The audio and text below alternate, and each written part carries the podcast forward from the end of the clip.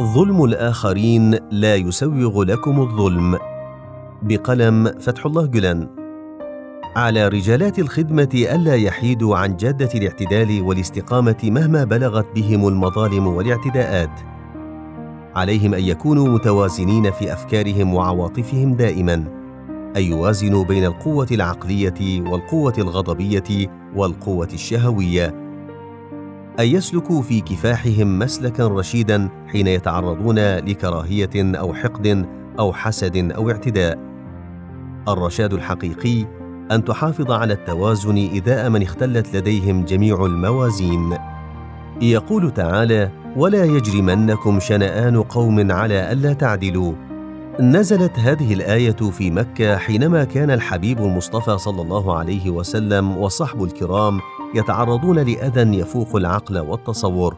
كان الأمر للمؤمنين أن يقابلوا تلك التجاوزات بصدورهم الرحبة ويلوذوا بالصبر ولا يلجأوا إلى الرد بالمثل. واجب المؤمنين ألا يتخلوا عن قيمة الحق والعدل بسبب رداءة الآخرين في سلوكهم. ظلم الآخرين لا يسوغ لكم الظلم ابدا. أنتم كأصحاب قلوب تنبض بالإيمان عليكم أن تلتزموا بالعدل مهما كان الثمن.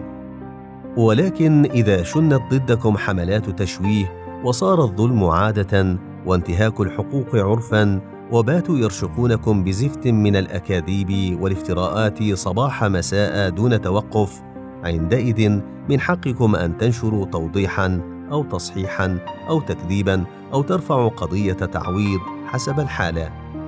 ولكن حتى عند استخدامنا لهذا الحق ينبغي أن نتحلى بسلوك رفيع يليق بأدبنا وشخصيتنا. كل يعمل على شاكلته. واجبنا أن تكون تصرفاتنا وأقوالنا مناسبة لشخصيتنا وأدبنا مهما قست الظروف واشتدت الأحوال.